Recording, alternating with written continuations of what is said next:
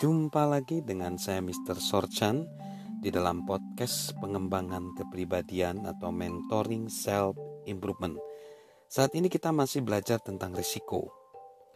Semakin besar risiko, semakin banyak bantuan yang kita butuhkan dari orang lain. Memang terasa menyenangkan untuk bermimpi tentang potensi kesuksesan dari usaha yang beresiko tetapi realitasnya bisa membuat kita ingin berteriak minta tolong sekeras mungkin. Semakin besar dan semakin beresiko sebuah usaha, semakin besar kebutuhan kita untuk mendapat bantuan. Agar berhasil, kita tidak sekedar membutuhkan bantuan, tetapi kita juga membutuhkan bantuan yang tepat. Ketika saya memulai karir saya, saya cenderung melakukan semuanya sendirian. Tapi saat kepemimpinan saya berkembang, saya mulai merekrut orang-orang ke dalam tim. Tetapi saya ingin mengikut sertakan semua orang. Saya ingin membuat semua orang senang. Saya lebih mirip sebagai petugas survei daripada pengambil risiko. Masalah saya bukanlah takut gagal, tetapi takut akan apa yang orang lain pikirkan tentang saya.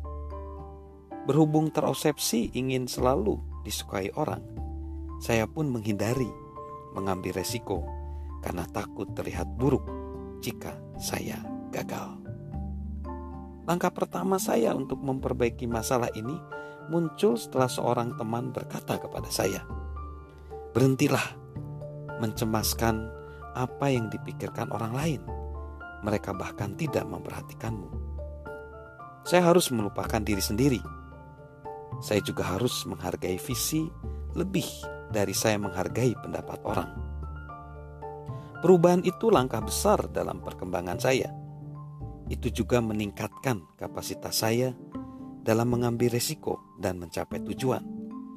Itu memberi saya kejelasan dalam merekrut orang-orang yang membantu saya. Nah, bagaimana kita merekrut orang-orang yang berani mengambil resiko? Rekrutlah orang-orang yang menyukai tantangan. Karena orang-orang yang menyukai tantangan adalah orang-orang yang memiliki visi yang besar. Lalu, rekrutlah orang yang berani mengerj mengerjakan perkara besar. Nelson Mandela berkata, "Tidak ada semangat yang bisa ditemukan ketika kita mengurusi perkara kecil." Ketika kita tidak menjalani hidup semaksimal potensi kita. Orang yang berani mengerjakan perkara besar adalah orang yang perlu kita rekrut. Lalu, lihat puisi ini. Puisi yang sangat menarik. Tersebutlah seorang pria selalu takut gagal. Dia tidak pernah berusaha, dia tidak pernah tertawa, dia tidak pernah menangis, hingga suatu hari dia pun meninggal. Klaim asuransinya ditolak. Mereka beralasan dia tidak pernah benar-benar hidup. Jadi dia pun tidak pernah benar-benar mati. Wow, sungguh menyedihkan. Orang yang berani mengambil resiko besar sama sekali berbeda, berbeda. Jika mereka pernah berhasil, mereka akan mencoba sesuatu yang lebih sulit. Meskipun para pemain yang berdampak besar belum tentu memiliki banyak persamaan, tetapi mereka sama-sama memiliki satu hal: bersedia mengambil resiko. Bill Purvis suatu kali berkata dalam konferensi seperti ini: "Jika Anda menginginkan hal-hal yang belum pernah Anda miliki, Anda harus bersedia melakukan hal-hal yang belum pernah Anda lakukan."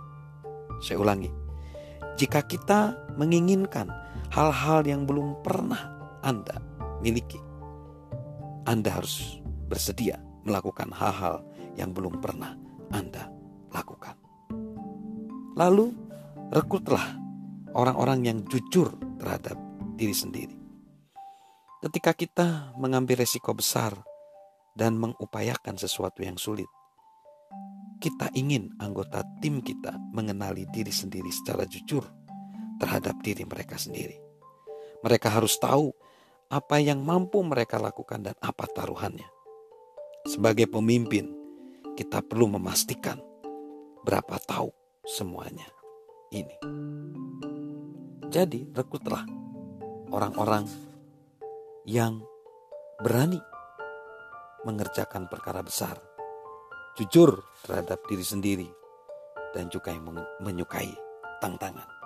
Karena semakin besar risiko, semakin banyak bantuan yang perlu kita butuhkan dari orang lain. Salam sukses luar biasa dengan saya, Mr. Sorchan.